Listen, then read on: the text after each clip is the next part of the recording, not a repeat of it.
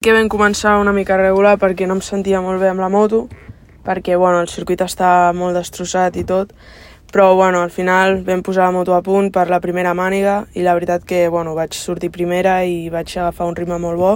i bueno, vaig seguir eh, fins a acabar la màniga primera i res, el segon dia, el diumenge, pues, eh, vam, vam començar bé, els lliures estava una mica perillós al circuit, però bueno, al final eh, va sortir tot molt bé, la segona màniga vaig tindre ja una mica de lluita amb la meva companya i, i l'altre pilot, de Jana,